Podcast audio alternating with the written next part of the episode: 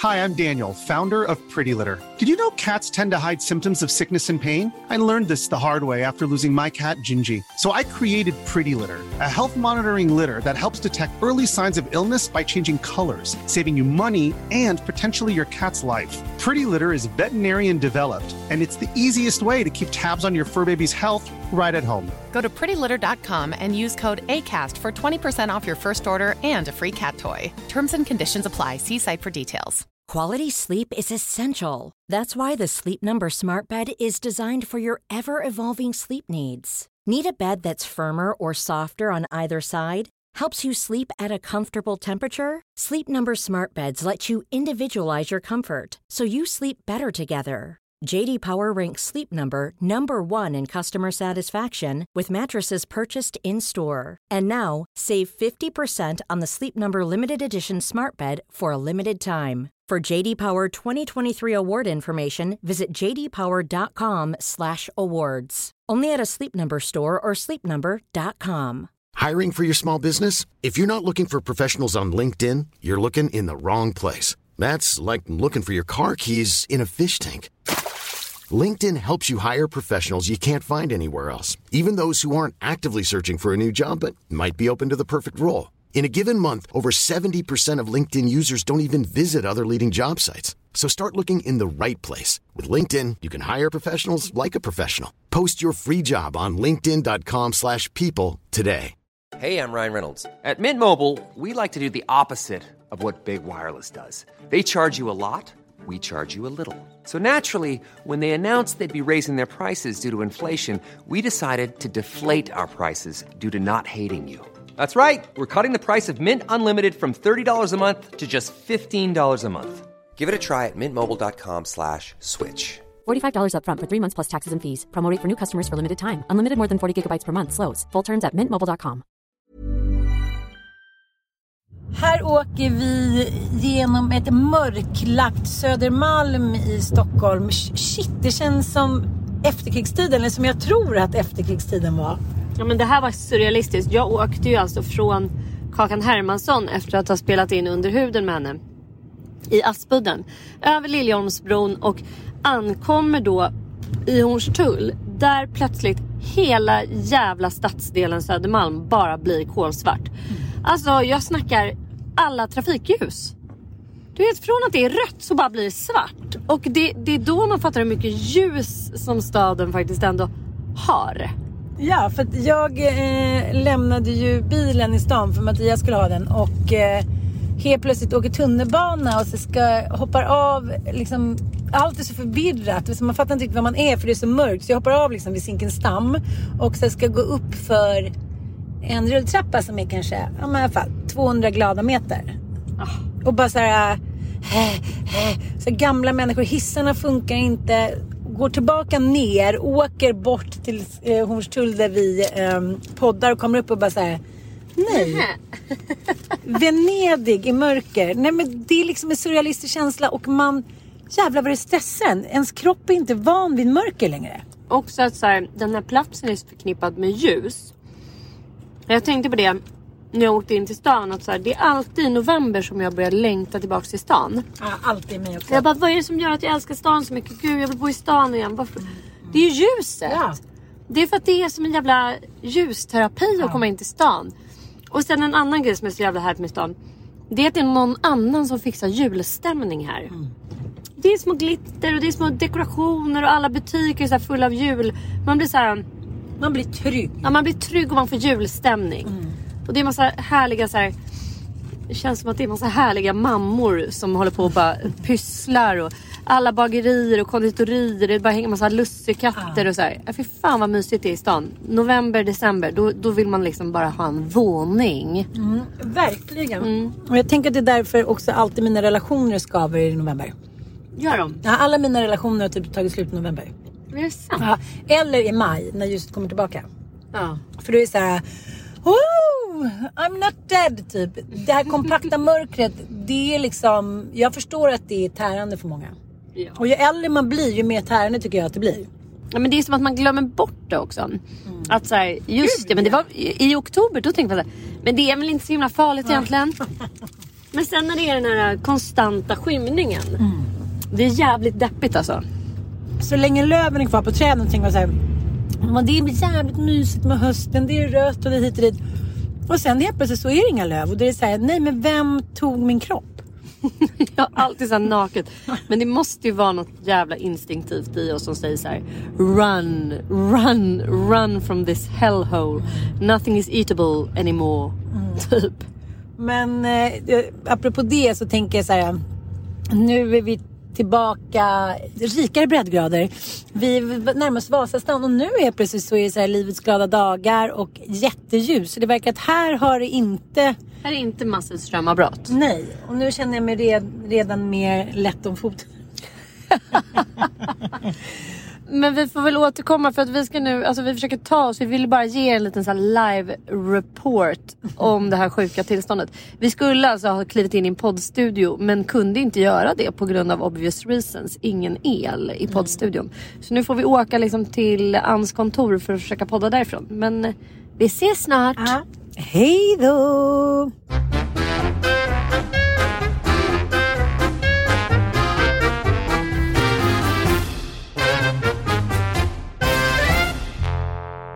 Hej och välkomna då, då till Inte din morsa eh, som idag sitter i Anns kontor. Mm, det blev en liten, vad ska man säga, en liten spontanare här inne på grund av, av, ja, av, av, av anledningar som vi redan har gått igenom, så kan vi säga. Men eh, välkomna i alla fall ska ni vara till Inte din mors, morsa. Det är succépodden som vi brukar säga nu för tiden. Vi är från Göteborg. Oj, Jajamän. Det var länge sedan vi var i Göteborg. Ja, för fan. Dit längtar man. Jag skulle ju åkt dit, jag har gått på Sound of Music. Ja, vad hände? Du skulle ju åkt dit med Bobo. Ja, men alla blev sjuka och hit och dit. Men resten av ligan gick på Sound of Music och vi kan väl lyssna lite här då.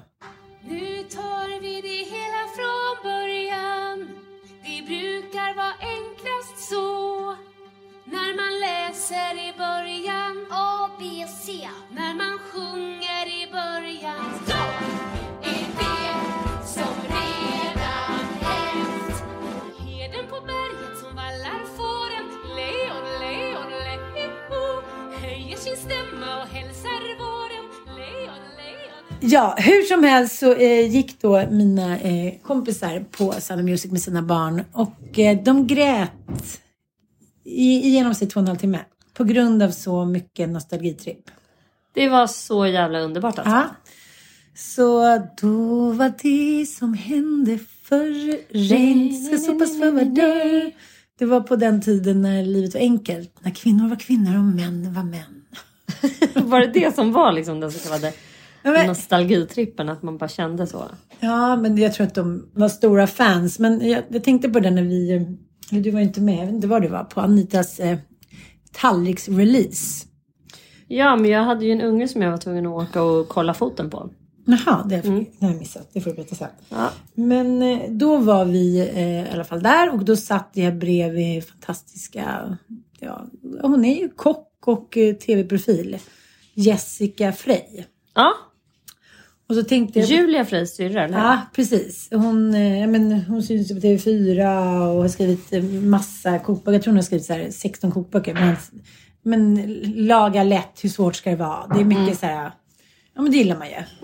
God ma- goda maträtter som man gör bussnabbt och busenkelt. Hur som helst så eh, sitter hon där. Eh, hon är väldigt snygg tycker jag. Hon är väldigt kvinnlig. Hon är lite femme fatale från 50-talet. Mycket läppar och tuttisar och så. Mm. Men eh, vet hon, vi var på Spesso som ligger precis vid Malmskillnadsgatan.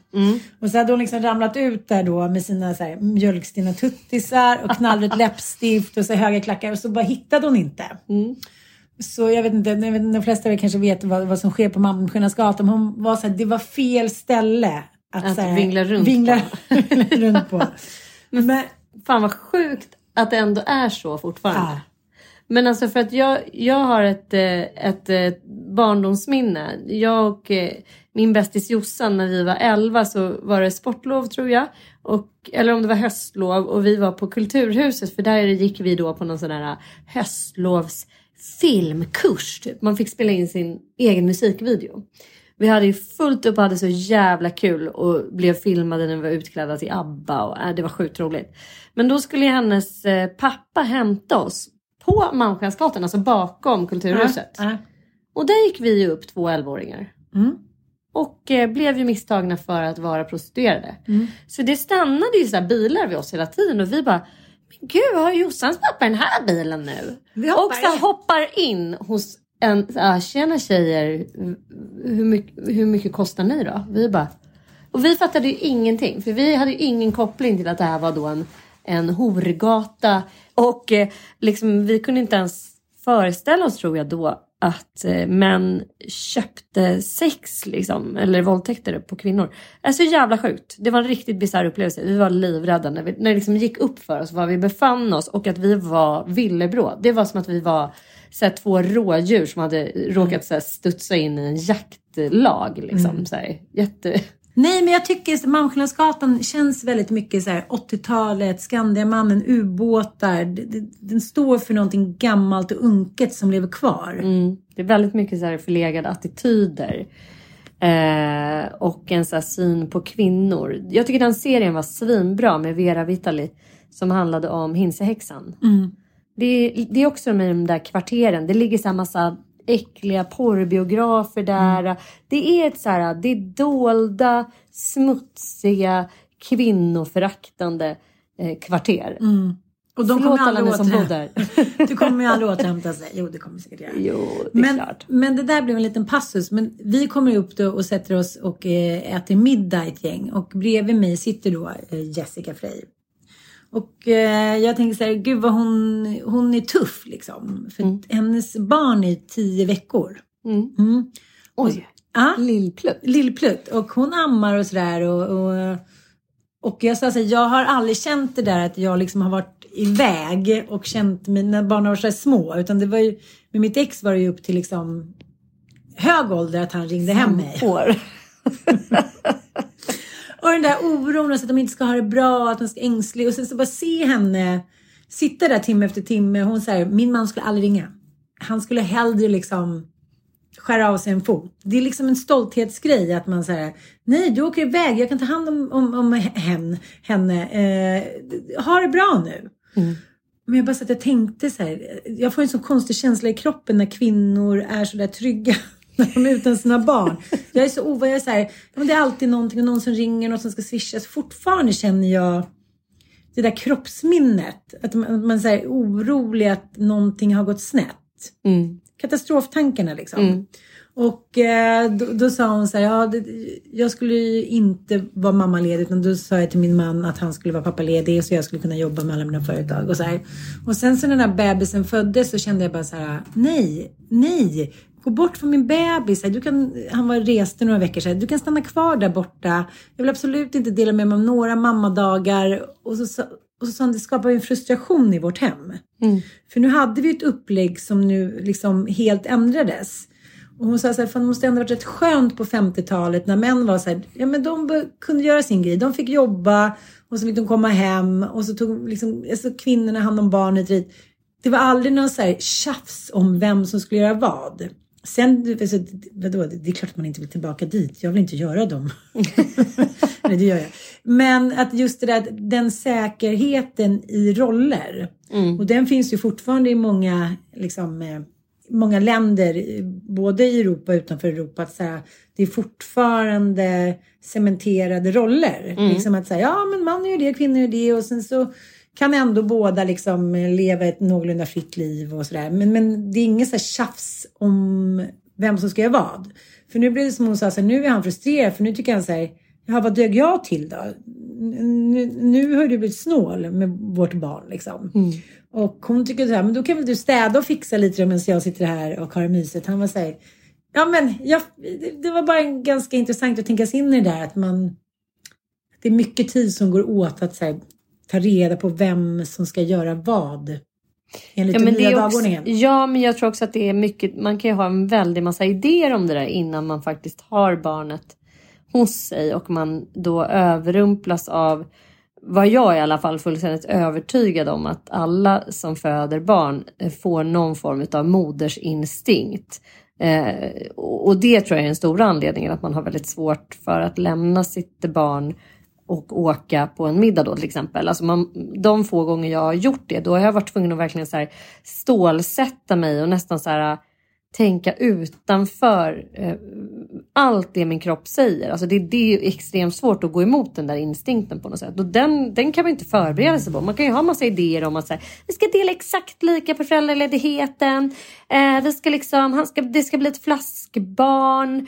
Alltså så, här, så jävla mycket av det där eh, för att få behålla någon form av eh, känsla av frihet och emans emancipation och alltså hela den grejen. Jag tyckte det där var så viktigt förut och nu tycker jag inte det är ett skit viktigt. Om jag skulle få ett barn nu, då tänker jag så här, gud, jag skulle liksom aldrig vilja lämna bort eller dela föräldraledighet. Alltså förstår du? Det, det är the, conclusion jag har gjort eh, som fyrabarnsmamma. Mm. Att så här, nej, det, det skulle jag inte vilja. Jag skulle vara så jävla snål. Eller vad då? man kan väl vara båda två, men... Du menar att Micke är så här, han skulle verkligen kräva nu med sista barnet att nu, nu kör jag hela pappaledigheten. Typ, så här. Ligger och vilar lite bara. Nej men det är en utopi. Men, men jag känner likadant att om jag skulle skaffa ett barn till, det kommer ju inte ske, så skulle jag säga släppa allt.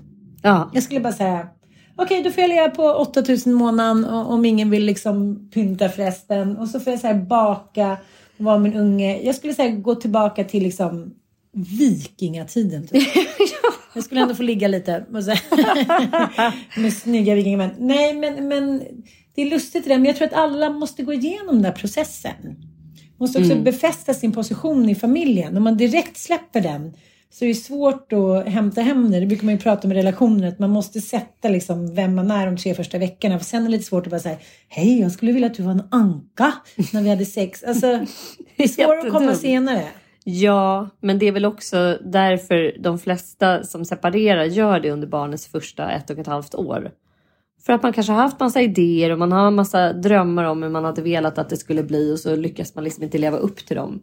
Eh, och att man är så här oflexibel liksom. Bara, nu är det här min plan och då ska jag följa den. Men när det gäller bebisar då vet vi alla att det enda som gäller är flexibilitet. Att man bara låter barnet följa, alltså att följa barnet på något sätt. Men det är ändå så otroligt som jag ser. Nu är min syrra väldigt liksom. Ja, men hon är ju, var ju 50 när Lilly föddes. Så man kan ju inte ens säga att det är en äldre mamma. Det är ju liksom. Jo, man kan säga att det är verkligen det är en äldre mamma. Men förut var det så här. Om man fick barn efter 40 Mm, på då var man 80-talet. gam- var det, så här, gamling. det var ju sensationell. Mm, det var det. Min kompis Jenny, Jennys mamma och Malou bland annat. De var med i så flera intervjuer för de hade fått barn efter 40. Liksom. Mm. Och nu är det så här. Nu är det sensationellt att föda barn lite efter 50. Mm. Flyttas det fram då tio år till? Jag tror att det kommer göra det. Mm. Eller tror du det? Ja, men kanske inte till, alltså, grejen är att det är svårt. Man kan ju bli naturligt gravid efter 40 men att bli naturligt gravid efter 50 det kanske är en på en halv mil. Mm. Mm. Jag, jag känner en kompis, hennes mamma var 53. Och blev naturligt gravid Ja, och fick hade, barnet? hade någon ny ung kille och de bara pippade ihjäl sig typ. Så bara, jag är gravid. Hon var så här 27 typ. Hon bara, okej God. mamma då kör vi. Ja, Och det blev en bebis? ja, den stannade kvar liksom. Äh, fan. Men det är ju, alltså, problemet är ju att man eh, såklart att blodet blir sämre, koaguleringen och så. så oftast får man ju missfall efter en viss Mm. ålder. Jag tror att det är så här, efter 44 så är det så här, typ en procents chans. Ja, men, Mm, men om man inte tar hormonhjälp och så där. Men jag ser min syrra nu. Hon är ju som, hon är liksom mormor, mamma, syrra. Hur Hon, gammal är lilla Lilly nu? hon är ett halvår. Hon tuttar och snuttar. Hon, är, hon har ju liksom 50 mammor. Hon vet inte, kanske inte vem som är vem. Det är jag, hennes syrror liksom. Men vad, vad bra om hon är som mamma nu. Ja. Är hon det? Ja, och det brukar man ju säga så om papper. Så, ja, jag är mycket bättre farsa nu än när jag födde kotten och kitkatten. Nu när jag har min nya fru. Och så här, jag satsar verkligen på barnen. Varför skulle kvinnor vara annorlunda för? Nej, det är klart. Plus att man liksom inte orkar Mm. heller på samma sätt. Jag fattar inte hur vi orkade hålla på du och jag. Nej men alltså hur mycket höll vi på med de där ungarna och jobbade och våra karlar som bara så här, var katastrofer. Och tv-program och böcker och sitta på nätterna och jobba och bla bla bla. Så jävla, jag får bara stresspåslag när jag tänker på det. Ja. Du ser, du är ju redan trött. Ja, jag bara somnade. började rapa upp vad vi gjorde. Jag bara, ah, gud alltså, vad är det som händer med oss? Mm. Men nu är vi inne på barnen i alla fall. Så nu kan vi prata lite om, eh, om eh, senaste tidens turbulens här med barnmorskekatastrofen. Mm. Kan man väl säga. Mm. Och nu har det ju varit eh, demonstrationer på Brunkebergstorg och sen med barnmorskor och andra kvinns som ja, Har engagerat sig i den här kampen. och även i, eh, i Göteborg. Och eh, dels vill jag säga så här, vad fan är snubbarna? Mm. Är det så svårt att liksom engagera sig i det här? Och då såg jag ett inlägg från Manne Forsberg, min kära kompis. Och han var så här, hans fru hade varit på honom sen, men du, vadå du engagerad? Vad är, du, är du engagerad i barnmorskekampen typ? Han bara, ja men det, det är jag verkligen. Och då skrev jag det där, det är för sig tio år sedan. Men, och så han så här, varför, han började rannsaka sig själv. Varför det är så svårt för män. Mm. Att på något sätt engagera sig i den här kampen och förlossningar och och eh, ja, men jag vet inte. Det handlar väl kanske om att, att man känner sig hjälplös och så här, bara glad att, att alla överlevde på något sätt. Och sen vill man bara liksom sopa bort det där. Men, men det är ändå sensationellt hur mycket som allting har med barn fortfarande är kvinnofrågor. Jag, liksom, där har inte hänt någonting. Har du någonsin sett någon förutom vad heter den, eh, journalisten Toya, Atoya som står upp för barnmorskor och skriver långa pamfletter? Ja. Alex Schulman skrev Mm. en krönika, men Förvånansvärt lite. Mm. Eh, alltså det, jo men det är precis som du säger, det här är ju degraderat till någon typ av kvinnofråga och det är därför det händer så väldigt lite också. Att så här, skulle män ligga och föda på de här erbarmliga sätten Mm. som vi har gått med på. Alltså jag bara tänker på det så här, hur många, nu har det ju liksom bubblat av förlossningsberättelser. det var Som, fantastiskt. ja, det har varit fantastiskt. Det är liksom lite metoo-känsla här. Ja. Hur folk, alltså så här, för att vi är med om en förlossning och man har inte så jävla mycket att jämföra med. Så man är bara typ glad att man överlever och så åker man hem och så tänker Ja. man inte så mycket på det. Men nu när man sätter det i, i liksom strålkastarljuset, så här, vad var det jag var med om egentligen? Så här. Och eh, jag har ju varit med om det där att inte få epiduralen satt. För att så här, narkosläkaren var tvungen att gå in på en hjärtoperation. Och vi prioriterar ju då livshotande tillstånd framför. Man bara, okej, och du råkar också ha kommit in på en helgdag. Så det finns då inte fler än en narkosläkare.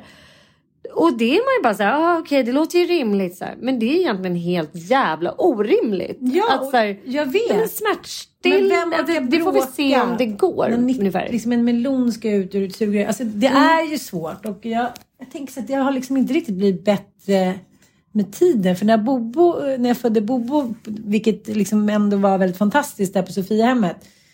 Med de stora... Sofiahemmet, vad är det där va? Ja, det var det som... De, just det, de Ja. gjorde ju typ en sån här nysatsning. Precis, en lyxig nysatsning. Det Alla kom- de där lyxiga nysatsningarna är det nedlagda. Mm. Alla.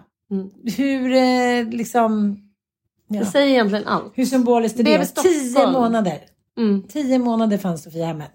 Men då var det också det, då blir jag igångsatt och då blir ju verkarna liksom ganska mycket starkare för att man helt plötsligt så går det från noll till hundra. Och jag hade liksom hade sådana verkar så att det slog liksom i taket i apparaten. De bara, vi kan tyvärr inte mäta. Jag var så här, uh, uh, uh. Och då var det samma sak, att det fanns ingen som kunde lägga epiduralet. Mm. Hon kommer snart, jag var så här, kommer snart, men då är jag liksom död eller också så har ungen kommit. Och så var det så här, typ tio minuter kvar och då, då kommer, ja ah, men nu är hon här. Jag var så här, ja ah, men nu ska jag ju föda liksom. Mm. Och då kände jag lite så här, men gjorde de det där, då skulle jag ändå så omtolka det lite. De kanske gjorde det för att vara snälla. För att de tänkte här, det kommer gå mycket lättare för henne om hon inte får det. Men så tänkte jag varför skulle de lägga in någon värdering i det? Men att liksom, det kändes som att de medvetet drog ut lite på det. Förstår du lite vad jag menar? Att så här, fan det är hennes fjärde barn liksom. Mm, här borde hon ju klara. Ja, och mitt femte barn då, från kadellen, där var ju inte någon inne överhuvudtaget hos mig i stort sett. Någon kom in med hörlurar ju. Va? Men har inte jag sagt det till dig? Nej. Världens konstigaste förlossning. Eh, Mattias låg och kollade på någon serie och jag låg bredvid och det var liksom inte så jätte ja, starka verkar. Och det var lite konstigt för Frans var ju också kall när han kommer ut. Va? Så han fick ju ligga under värmetäcke i tre timmar. Oj. Så att han kanske inte var så himla hetlevrad där inne då. Jag vet inte. Men eh, hur som helst så var det ju då Jag hade ju en tjej bredvid mig och en, liksom, ja, men jag låg i ett mittenrum. Och jag har aldrig innan direkt tänkt på att det låter. Men här var det så här dödsskrik från typ alla rum. Jag var så här... Så till slut så kände jag att jag fick sån ångest. Så de kom in och sa, vi är ledsna men det är liksom, vi har det verkligen utsatta lägen i båda rum bredvid dig. Så att vi, vi måste vara där, typ. Är det okej? Typ. Gammeltanten som födde för femte gången. Jag var så här, absolut, typ. Och sen kom de in med hörlurar och bara, vi är ledsna men eh, vill ha hörlurar? Nej. Jo. Men gud med så här hörselkåpor. Nej men så, här, så att jag, liksom, jag kunde ligga och lyssna på musik. Åh herregud. Det är så För att det var liksom sån... vrålsituation. Och sen så kände jag så här, nu kommer jag föda. Så jag sa till Mattias, så här, kan du ta av dig hörlurarna? Så här, jag ska föda nu. Han bara så här, va? Jag bara, jo, jag ska föda nu. Och så gick han iväg och hämtade så bara, nej men det är inte dags än. De kollade ju bara för någon timme sedan. Jag var så jag ska föda nu. Så att liksom, jag kastades, så här, puttades ner på en sån här träring liksom. Så här, "Åh!" och så tre kryssningar och så, så var han ute. Hade det varit mitt första barn så hade jag inte legat där och varit cool. Men, men, men det var lite så här, ja men jag är här. Jag, jag, det var som att jag bara... Jag bara fann mig. Att säga, ja, det är mitt femte barn och de verkar ha det jobbigt. Jag får väl föda den här jävla ungen själv då. Mm. En märklig Men det, känsla. ja, det, det är ju en helt absurd grej att föda barn. Och gud vad jag skulle önska att man kunde få stoppa in en man i den situationen. För att det är också... Vi har ju skapat i vår kultur en, vissa typer av förhållningssätt mot kroppen. Dels är ju kvinnokroppen så jävla problematiserad i och med att vi har sexualiserat kvinnokroppen så mycket. Så dels är den så här skam och tabubelagd. Alltså man får liksom... Eh, den ska döljas eller den ska behaga. Men det här barnafödandet, alltså jag minns ju det när jag tänker så här på vad hade man med sig på barnafödande när man själv, innan man själv blev mamma? Det var så här, Gudrun Schyman födde barn i barnkunskapen i nian. Mm, mm. Det, det var typ det. Alltså så här, jag måste säga att jag tyckte det var så vidrigt att Fick få det ni där se den gamla klassiska filmen? Ja, vi fick se det. Nej. Jo, delar av den. Och jag bara, alltså dels liksom så här, det här icke-estetiska. Att Hur fan kan man ens göra en film om födande på ett så svenskt landstingssjukhus med så här kortklippt Gudrun Schyman. Där det inte finns någonting vackert. Det finns ingenting es- estetiskt tilltalande med det överhuvudtaget. Utan det är bara så här fläsk, landstingskläder, Och bajs bajs Ja. och typ så här konstiga människor som pratar. Nej men liksom, förstår du lite vad jag Ja, jag menar? fattar. Alltså, Det det, finns ingen ska inte sensuell känsla. det finns ingen andlig känsla. Det finns ingen så här estetiskt eh, vacker känsla. För en födsel är väldigt vacker liksom. Eh. Malmskillnadsgatan-känslan. Ja, Mm. alternativt att allting ska vara så jävla icke-estetiskt. Mm. Liksom. Det, ska, det ska inte få vara vackert. Det är bara så här, på med lysrörsbelysningen. Född ut när så kan du gå hem sen. Mm, och så gå hem sen och så är det knäckebröd, macka på det och lite mellanmjölk. Så det var liksom den erfarenheten på något sätt. I övrigt så här. Och sen fick man ju höra lite så här skräckhistorier från morsans polare. Så här, Oj, det blev akut kejsarsnitt. Eller så här, lite förlossningsstories kvinnor emellan. Och det var ju aldrig någonting som var så här. Åh, vad underbart. Gud, vad härligt. Nej, nej. Inte bland de kvinnor jag hade kring i alla fall. Men jag tror aldrig jag Väldigt hörde någon mycket. prata om sin förlossning. Det var så här, Nej. det fanns inte. Och eftersom min mamma inte led när jag blev gravid så säger jag, jag hade verkligen inte en susning om vad det skulle handla om när jag kom in. Och det sa Jessica Fri också, att man kom in som man säger, okej, I'm the entrepreneur, I'm the bitch typ, I'm the woman. Så här, nu ska den ut. Så bara, aj! man så här, kniper igen, så här, fly med vågorna. Så här, man kan ju aldrig innan föreställa sig hur det ska kännas. Och det är det som jag tycker är så jävla fantastiskt, men också som var så jävla chockartat. Ja, men så för, och, och jag kan säga så här att för min egen skull, så vi, vi älskar ju och omfamnar, jag vet inte hur många gånger vi har nämnt henne i podden, men Asabia Britton som ju nu driver en fantastisk ny podd tillsammans med sin syrra som är dola. Hon har ju folkbildat eh, via sitt Instagramkonto på ett sätt som jag bara säger, gud varför fick jag inte det här mig till livs när jag själv väntade barn första gången? Hon visar ju varje söndag bilder på födande. Jag vet, så vackert. Bara, det är så jävla vackert och det är så här, i början, det är lite grann som hela så kroppspositivismen. Att man är så himla ovan vid att se födande kvinnor och alltså hur födslar ens ser ut. Så att i början blir man ju så här chock, chockad. Precis som att Och det är chockartat en att se. moderkaka. Oj. Ja, man bara what? Typ så här. Vi har liksom fått det där presenterat eh, till oss i vår kultur som någonting äckligt. Ja. Utan sen när vi ser en Äckligt och smutsigt och äckligt och smutsigt, ont. här, hur, hur många liksom konstverk föreställer födande kvinnor med så här moderkakor? Absolut inte en enda. Alla bilder på kvinnor genom historien är när de är så här, antingen nakna och sexualiserade alternativt så här påklädda kristna och håller i så här, en, en Jesusbebis som är så här helt ren och okladdig och bara ligger i någon slags halm. Så här, typ som att han aldrig har passerat ett sköte liksom. Men det var ju så lustigt. Kommer du att vi pratade om det? Att när Megan kom ut så hade hon ingen korsett eller någonting. Man såg att hon hade fått barn. Det Mm. var liksom en mage under. Och det var så här, va? Har hon en mage? Fortfarande, hon födde ju för fyra timmar sedan. Att det så här, hon var den första som på något sätt liksom påskinade att det skulle vara någon, att hon hade varit inne och fått ett barn. Kolla Diana och kolla alla de andra kungligheterna. Bara så Mm. Ja, här, Catherine heter hon va? Alltså prins... Eh, kronprinsens eh, gemi, gem, gemål Kate till exempel. Mm. Middleton. Middleton. Eh, Storebrorsans fru. Hon kom ju ut såhär typ smalare än hon Ja. föddes. Så var det för sig lite första barnen, men sen eh, försvann ju det. Men, men eh, nej, det är liksom otroligt. Och eh, jag bad ju om att få lite frågor. Och jag är ju inne i det här lite för att jag ska eh, säga man har ju den där känslan av att, så här, att det är någonting som ska gömmas undan. Jag har ju fått, fick ju en förlossningsskada efter Frans. Och jag kände ju det när han eh, kom ut. Att så här, det gick för fort. Eh, jag, var liksom, hade inte, jag var inte beredd, jag öppnade mig för fort och det så här, kastade ner på den här pallen, han är inte med, han är inte krysta och så bara... Så det, eh, min, en muskel i bakre slidväggen har gått av. Och du vet ju vad jag, jag har ju försökt så här, med så här, värmeapparater som ska då... Knipövningar, Ja, precis. värmestavar, Ja, men, laser. det enda det Ja. slutade med var att jag fick eh, brännskada. jag, bara, så det, jag vet att det inte skulle göra ont, men det gör ont. Oj, den är på 90 grader istället för 60. Så, aj.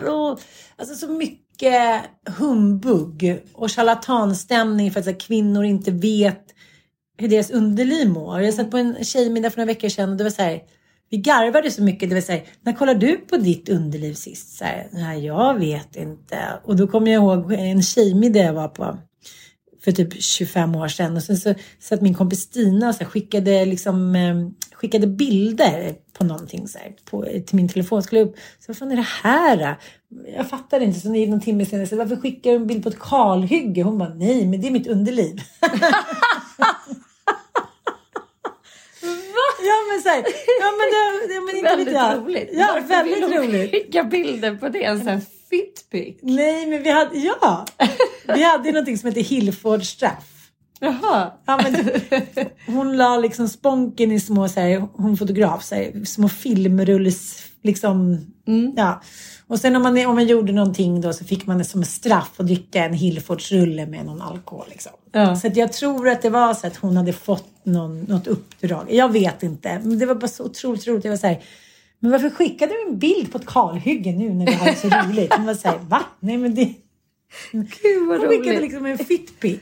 Och, eh, men just det där att man liksom inte ens tittar på sitt underliv och man är så här, väldigt kritiskt inställd till det. det. Det kan jag tänka mig att killar också kanske är så, "Åh, den är för stor, den är för liten. Eller för stor kanske man inte säger, men den är för liten, den är för kort, den är för Så röd. jävla jobbigt. Det är Så, Så- så. Jo, i och för sig vissa.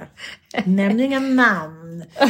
Kända människor. Ja, men Mm. hur som helst så, så är det någonting att, att man ska skammas för det naturligaste som finns. Ja, och att det är så här, som att det är också så här, ja, underlivet eller fittan, låt oss säga vad vi vill om den. Ja, man Pullig. vågar ju inte säga något. Eller Nej, men liksom så här, att det förändras när man föder barn, det, det är väl inte så jävla konstigt. Men så här, hur många det är som tycker att det är så genant att gå att kolla upp det och så här, som går runt med, vi hade ju faktiskt det som ämne i eh, Karlavagnen.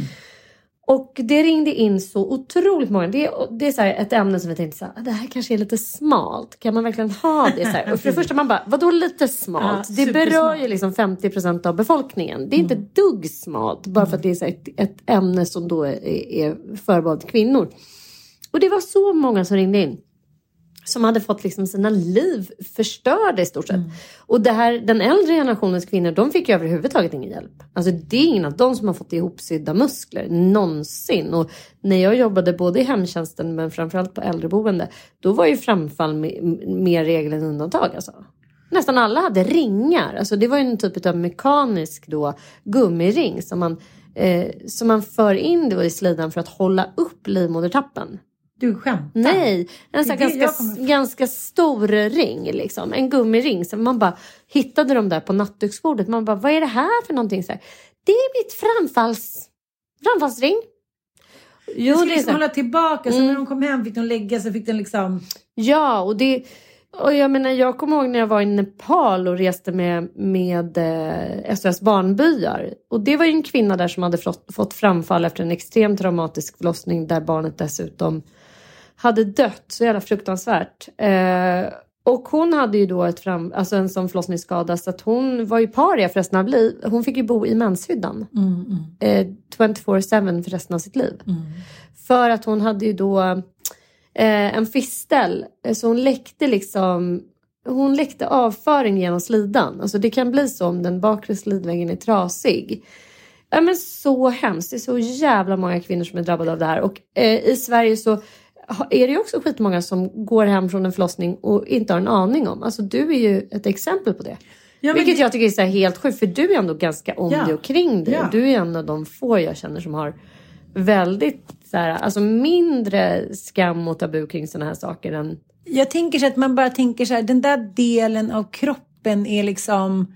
Ja, den får slaskas bort. Lite så att man är en kentaur. Man bara så här, springer omkring där och liksom... Man är sin överkropp på något sätt. Och jag, jag vet inte, det var en tjej som skrev till mig angående det här ämnet. Som jag blev så här... Nej, så här Hej Ann, kan ni snälla prata om den obefintliga eftervården för nyförlösta och hur sjukt det är? Om hur kvinnor av sjukvården får lära sig att använda tumtricket. Vet du vad det är? Mm. Att man liksom får trycka tillbaka bakre slidväggen för att kunna bajsa. Äh? Ja men det är så sjukt. Och det här då eh, lär man då ut. Eh, istället för att kvinnan utreds och behandlas för sina skador. Sen var det också fint om ni lyfte att försäkringsbolagen inte anser att fiffin är försäkringsbara för att de anser att det inte vare sig sjukdom eller olycksfall. Tack för att ni lyfter det här viktiga ämnet. Jo, men det finns faktiskt några försäkringsbolag eh, som eh, försäkrar förlossningsskador och det blir fler och fler. Men de första, de som var pionjärer, det var faktiskt min kompis Kajsa Ire. Och hon jobbar på Fundenda Försäkringar, ej, obs, ej sponsrat. Eh, och de eh, startade en, en eh, försäkring som heter Tusen mammas dygn. Mm. Och där kan man då eh, men få en förlossningsförsäkring helt enkelt. Mm. Och det kan man även få på Trygg Hansa och det finns fler försäkringsbolag. Så det, det är intressant. Men det var ganska nyligen som försäkringsbolagen tyckte att det här var värt då att försäkra. Men det är så sjukt Ja men det är så sjukt. Man kan liksom försäkra sin jävla lilltå. Jag kommer ihåg när jag var så här jätteung och på eh, en fest så här, lite bonkad. Jag, inte, jag fattar fortfarande inte till men jag dansade in i någon kille så jag fick liksom, han skallade mig på något sätt. Så det gick upp ett liksom stort jack. Men så jag tog väl någon tejpbit och dansade på. Och så gick det liksom eh, några månader sedan och så sa men skicka in det där till ditt försäkringsbolag. Så får, eftersom du inte sydde det så får du säkert, så, jaha, så gjorde jag det och så fick jag liksom ganska många tusenlappar i ersättning. Men just en kvinnas hälsa och att, så här, att hon ska på ett värdigt sätt kunna gå på toaletten eller ha någon form av sexliv eller ja, hur som helst. Eh, Det, det är ju så här att åtta av tio kvinnor kommer att få någon form av förlossningsskada.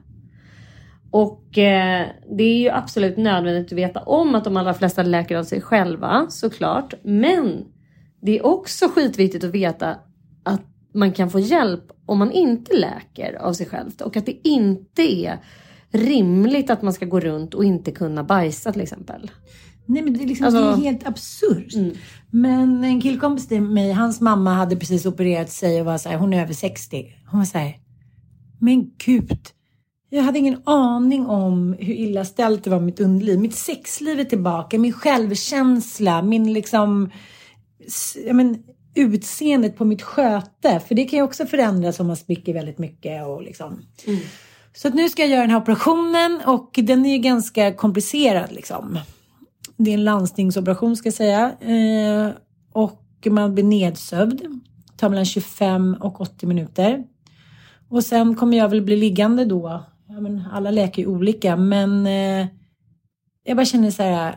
Det känns så bra att jag kommer göra det här nu. Mm.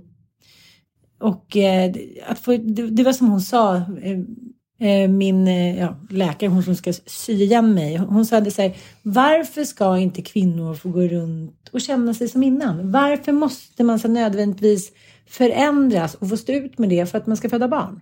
Mm. Och jag kan tycka att det liksom är någonting som ändå förföljer. Man ska vara glad över sina brister, man ska vara glad över sina hängmånga, man ska vara glad över det. Jaha, men om man inte är det då? Om man inte tycker om att ha ett framgång kring med ett framfall, ja men då ska man få hjälp. tycker om att gå omkring med ett framfall. Vi fick en liten, vi tar en, en liten fråga till då. Varför får inte fler bedövning? Jag fick det efter sex timmars helvete med mitt sista barn. Efter bedövningen kände jag ingenting. Jag kände mig helt lurad. Varför ska jag genomlida sex timmars helvete helt i onödan? Varken jag eller min man kan prata om det ens nu efter tre år. Så fruktansvärt var det. Ja, men jag håller med. Det är liksom, jag har ju tagit epidural med alla mina tre pojkar. Och det har ju varit liksom fantastiska förlossningar alla tre. Men det var just med, vad fan var det? Det var med Igor tror jag.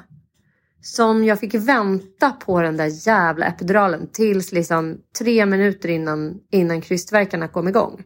Så då fick jag ju känna hur liksom hans huvud passerade spina-taggarna och liksom spy av liksom en sån outhärdlig smärta och liksom så helt onödan.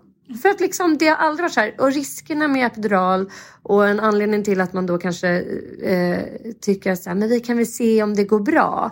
Det sägs ju vara att verkarna blir svagare oftast och att man inte har kontroll över kryst, krystvärkar. Men det där är ju också så här, det är högst individuellt. Och jag menar, jag har ju lyckats föda alla mina tre pojkar utan både eh, sugklocka eller verkstimulerande dropp. Det har ju gått hur bra som helst. Och även om, alltså med, med Lo kände jag inte krystvärkarna för då fick jag så, jag fick så mycket epidural. På något sätt så blev det som att jag var förlamad i benen. Alltså den, det, var inte, det var inte bra. Alltså, men med Fox var det helt perfekt. Det var, så här, det var precis lagom mycket så att man verkligen kände krystvärkarna. Man kunde liksom jobba med i verkarna och i, i hela krystarbetet. Eh, jag, jag håller med, jag tycker det är helt bisarrt. Det är liksom bara så här, det handlar bara om att så här, nej men vi sparar pengar på er.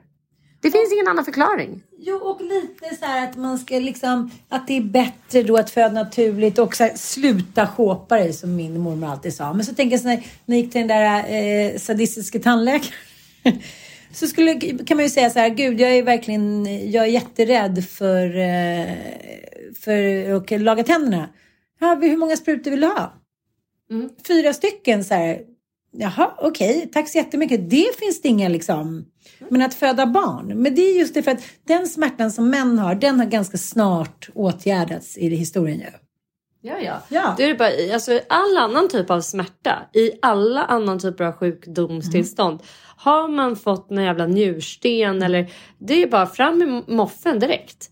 Men när vi föder barn då kan vi inte ens få en epidural. Nej, nej, det är liksom, det, det är helt otroligt. Jag, jag tänkte också på det där att, eh, som Malin Eklund skrev att hon, nej men hon krävde liksom att få kejsarsnitt sista eh, barnet för att hon kände sig, jag vill inte vara med om det där igen. Att jag liksom ska vara så orolig och rädd. Så att hon var så här, hon, ja, hon tjatade sig till det eller man får gå på Aurora-samtal och sådär. Och eh, då sa hon så att det var så många kvinnor som var så här, tittade ner på mig och sa ja, nu tar du av andra som, nu tar du resurser av andra som egentligen behöver det. Och Hon fick liksom så jävla mycket bittra kommentarer och hat av andra kvinnor.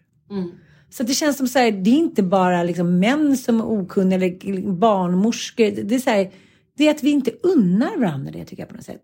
Att det ska vara så här, om man nu inte själv kanske har, jag vet inte, det finns en jag, miss. här, jag ja. tror att det handlar sjukt mycket om att det inte är några politiker än som har gjort det här till en viktig valfråga eller till en jätteviktig politisk fråga. Mm. Utan så här, vården, resurser till vården. Så här, men det är lite grann som vi resonerade när vi skulle välja ämne till här, Det är ett ganska smalt ämne. Bara, What? Nej, det är inte ett smalt Jag ämne. vet.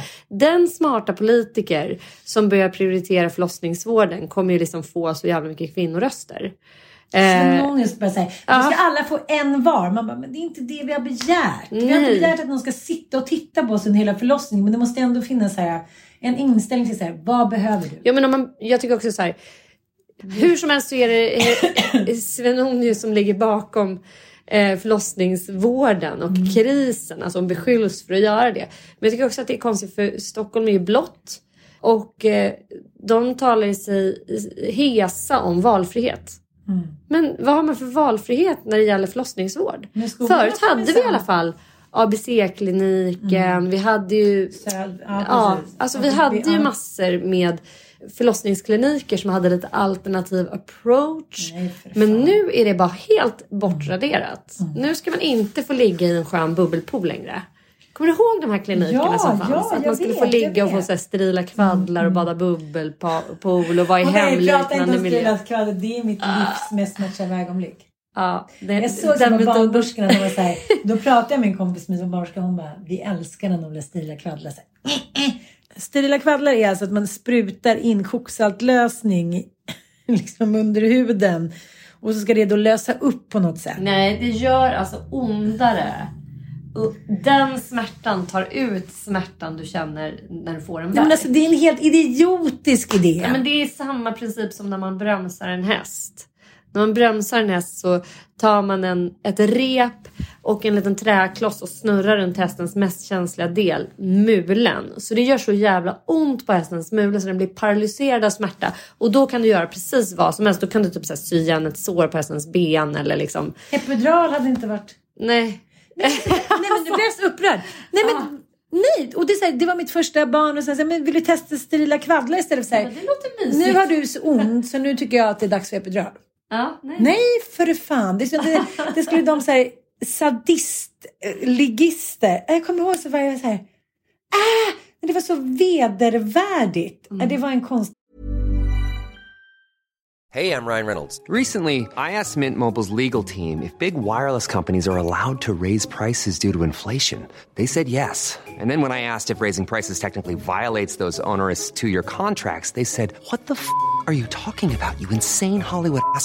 F- So to recap, we're cutting the price of Mint Unlimited from $30 a month to just $15 a month. Give it a try at mintmobile.com slash switch. $45 upfront for three months plus taxes and fees. Promo rate for new customers for limited time. Unlimited more than 40 gigabytes per month. Slows. Full terms at mintmobile.com.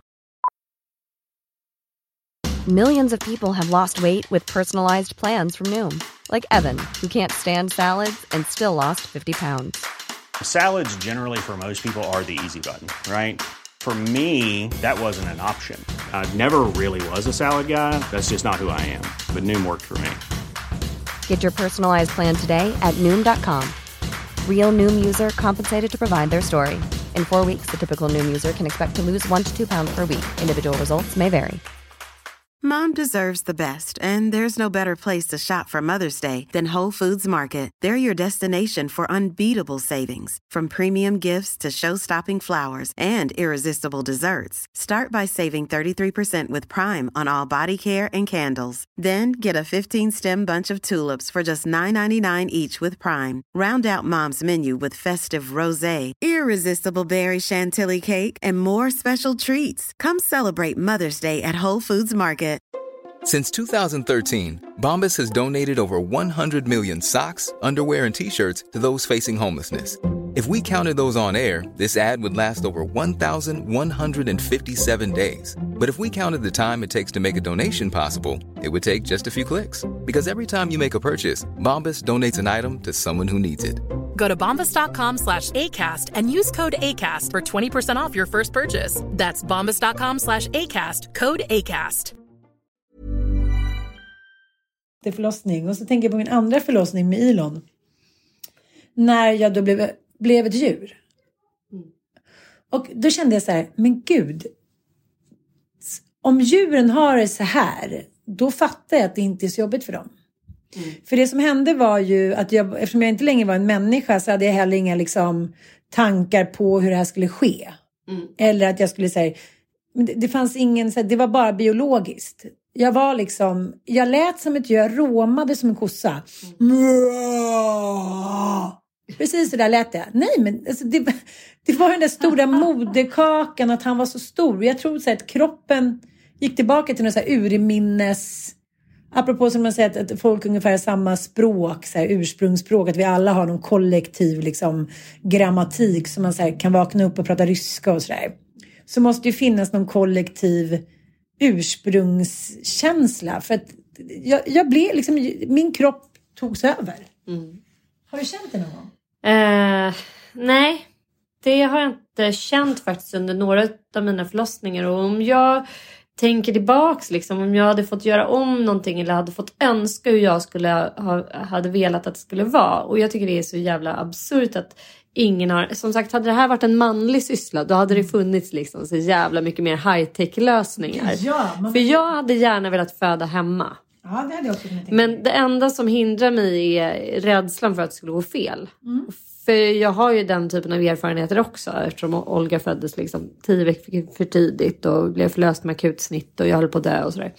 Så det hindrar mig ifrån det. Men varför finns det inte... Jag, alltså, om jag kunde få hyra in en narkosläkare och en så här, akutläkare som kan göra ett snitt på mig. Hör ni det? Om ni är där ute och jag råkar bli med barn. Jag gör det. Jag skulle betala... Nej men jag skulle lätt kunna betala nästan upp till en miljon för att få göra det. För att få göra... Vi måste bli vänner nu pappa. Jag säljer, jag säljer min själ höll jag på att säga. Nej men jag... eh, Du kan ju sälja rätten till Men håll med. Håll med. ja precis. Tumring. Tyvärr kan jag inte nej, göra det. Nej men för fan vad jag hade velat göra det. Så här. Jag får vara i mitt hem. Det står en läkare som typ sitter och fikar nere i köket. Tills det går åt helvete. Eventuellt då. Eh, då är han redo med skalpell. och liksom en snubbe som bara kan sätta en perfekt epidural. Fy fan vad jag hade velat det. Och man bara, varför finns det inte ett sånt team som bara kan åka Ja. runt i Bussa födande? bussen. Som att det skulle vara så jävla mycket dyrare. Nej. Alltså, eller? Nej men alltså grejen är... Alltså vi sitter här och Ja. bara, jag har lösningar. Rosa bussarna. En mille. Fittbussen. Fittbussen tycker jag. Ambulerande gynekolog. Ja. Klassiker. Förstår du också bara för att slippa gå in i sånt där Åh. äckligt. Vi måste gå in i den här branschen älskling. Mm, styra upp. Nej men alltså det finns så mycket att göra. Och jag tänker också så här. Estetik. Snälla, låt oss slippa så landstingsbelysning. Mm. Jag fattar att när man jobbar inom vården att man kanske behöver den där typen av lampor. Mm. Men varför måste det vara fult? Varför måste det vara fult överallt? Varför måste man få gå från sitt hem och komma in i samma typ av miljö som det faktiskt dör människor i hela tiden? Det är ju någonting bisarrt att man ska ge liv där är, är människor som dör. Och det apropå instinkter, det tror jag att vi människor känner när vi kommer in till ett sjukhus. Det är därför människor är rädda för sjukhus. Det är inte för att det är någon konstig kulturellt betonad fobi. Utan vi känner att så här, oj, här finns det adrenalin. Här är det rädsla. Här är det människor som kämpar mm, för sina liv. Och där ska vi ligga och vara som mest avslappnade och välkomna livet. Det är någonting lite absurt med det. Eh, det, det, det. Framförallt så är det ju ett tilltag för att eh, skapa ett ekonomiskt hållbart system. Inte ett system som ska gynna föderskor, tänker jag. Utan Nej, det ska nej. liksom spara pengar. Eh, förr i tiden så fanns det ju så allmänna BB och förlossningen. Det låg liksom inte på samma ställen som alltså Södra BB där Micke föddes. Det låg ju nere på Rosenlundsgatan eller alltså det låg i alla fall ja men typ nere vid Sankt Paulsgatan där, där Maria Pool ligger nu. Där man tvångsrakades och tog ut barnen direkt. Mm, det var jättemysigt också. Det var jag säga, Va? Tvångsrak? Det var liksom, vi har inte ifrågasatt det för att vi har tänkt att det är så här det ska vara. Och det kanske var vidrigt men vi gör ändå tusen gånger om när barnet kom ut. Men jag tänker så här, jag har läst allt från så här, My Fälts till Malin Eklund till din. Det, det är en otrolig, jag ska säga så här, det känns som att jag själv blir helare när jag läser andra kvinnors förlossningsberättelser. Och det är ju precis det du berättar om i metoo. Och liksom, ja, men all forskning och folk som träffas i grupp, vare sig de håller på med liksom kiropraktik eller medberoende eller vad fan det händer, så mår man ju bättre när man tillfrisknar i grupp eller pratar om det. Det är så här, men det är så, här, så procentuellt mycket högre och effektivare att liksom att prata med andra och tillfriskna. Att sitta hemma på kammaren och så använda tumgreppet och eh, undra vad det är för fel. Jag har en kompis som eh, ja, hon gick omkring i flera år och kissade på sig och så här, vågade inte säga något till sin man förrän han sa så nu vill jag skilja mig. Jag tror att du har någon annan och du vill aldrig ligga med mig. Så här, för hon låg ju helt stilla. Mm när de låg. För hon tänkte så här, om jag rör på mig så kanske liksom allt det här kisset kommer ut sängen och det, det, det klarar jag bara liksom inte av. Nej. Men det är så fan. jävla sorgligt. Hon berättade så här, hon var ute på så här, dans med sina tjejkompisar. Vi går in på toaletten och hälla ur kisset liksom, ur stövlarna. Nej, men Nej, gud. ja, det var så här. Och det var efter ett, ett barn. Och det är också sånt som man tänker så här, men gud det där är sån förlossningsskada, det kommer liksom efter sju, åtta barn. Och, men för vissa, det där är också genetiskt. Det kan ju vara efter ett barn så får man så här, problem med kisseriet eller så att det är så här, man ska alltid söka hjälp och man ska aldrig ge sig. Mm. Barnmorskeupproret, det är ju, pågår ju i detta nu och dela din egen eh, förlossningsberättelse under hashtaggen förlossningsupproret och ställ dig bakom alla barnmorskor och kräv förändring. Det är liksom det enda vi kan göra. Eh, för att så här kan det bara inte få fortsätta. Och ta dina besvär på allvar. Eh, du som lyssnar, alltså känner du igen dig i det som, Ann har, eller som du har berättat här Ann, då, då är det ju bara att söka hjälp och kräva, för det är ju tyvärr det som behövs. Jag har hört om så många som har fått, alltså min, eh, vår gemensamma vän, min gamla granne, hon hade ju en väldigt allvarlig förlossningsskada som hon gick runt och liksom led av ganska länge innan hon fick hjälp att göra en omfattande operation. Jag menar, ju längre tid man går med en skada, desto svårare är det är att, op- att operera och att göra det bra. Så att ju snabbare man ber om hjälp och kräver hjälp och hon det var ju på den nivån att hon verkligen fick slåss för att få den här skadan reparerad och sen när de väl opererade så sa de så här, det här är helt bisarrt att du har gått runt med det här. Ja, nästa måndag eh, klockan sju på morgonen ska jag då operera mig på Nacka sjukhus. Dr. Sofia. Och jag tänkte att jag eh, gör en liten eh, live-dagbok där som vi sen spelar upp här i vår podd. Skitbra. Det gör vi. Gud vad spännande. Precis. Och om ni vill skicka något så meddelande lite som så fråga P1 så kan ni göra det DM oss bara. Om ni vill vara med och s- kan vi spela upp det eller också så läser vi bara upp det i era förlossningshistorier. För jag, jag tycker det här är så sjukt viktigt. Och eh, ja, det känns eh, spännande. Det ska bli kul att, att se hur det går. Live-rapport från Fittan. Tack för att ni har lyssnat. Vi kör Tack. en egen. Ja, tack snälla för att ni har lyssnat. Eh, och som sagt, DM jättegärna oss om du vill dela med dig av någonting. Eh, Ni får såklart vara anonyma. Ja, såklart. Självklart. Om era förlossningar eller förlossningsskador. Tack så mycket. Ja, nu ska vi träffa Camilla Läckberg. Och gå på en liten middag. Eh, som vi tipsade om förut så kan ni ju gå in med våran Storytel-kod. Den finns i våra, på våra Instagrams bios. Och eh, då får ni alltså prova eh, Storytel i 30 dagar gratis. Men det hörde ni om i det sponsrade inlägget. Puss och kram och ta hand om er och era underliv. Underbara underliv. Hejdå!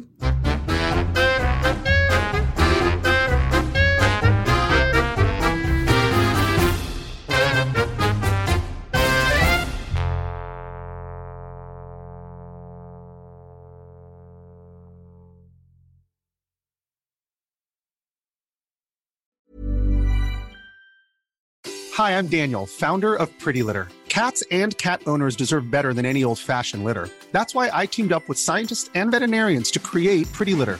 Its innovative crystal formula has superior odor control and weighs up to 80% less than clay litter. Pretty Litter even monitors health by changing colors to help detect early signs of potential illness. It's the world's smartest kitty litter. Go to prettylitter.com and use code ACAST for 20% off your first order and a free cat toy. Terms and conditions apply. See site for details. Even when we're on a budget, we still deserve nice things. Quince is a place to scoop up stunning high-end goods for 50 to 80% less than similar brands. They have buttery soft cashmere sweaters starting at $50, luxurious Italian leather bags, and so much more. Plus, Quince only works with factories that use safe, ethical, and responsible manufacturing. Get the high-end goods you'll love without the high price tag with Quince. Go to quince.com slash style for free shipping and 365-day returns. Mom deserves the best, and there's no better place to shop for Mother's Day than Whole Foods Market. They're your destination for unbeatable savings, from premium gifts to show-stopping flowers and irresistible desserts. Start by saving 33% with Prime on all body care and candles. Then get a 15-stem bunch of tulips for just $9.99 each with Prime. Round out Mom's menu with festive rosé, irresistible berry chantilly cake, and more special treats. Come celebrate Mother's Day at Whole Foods Market.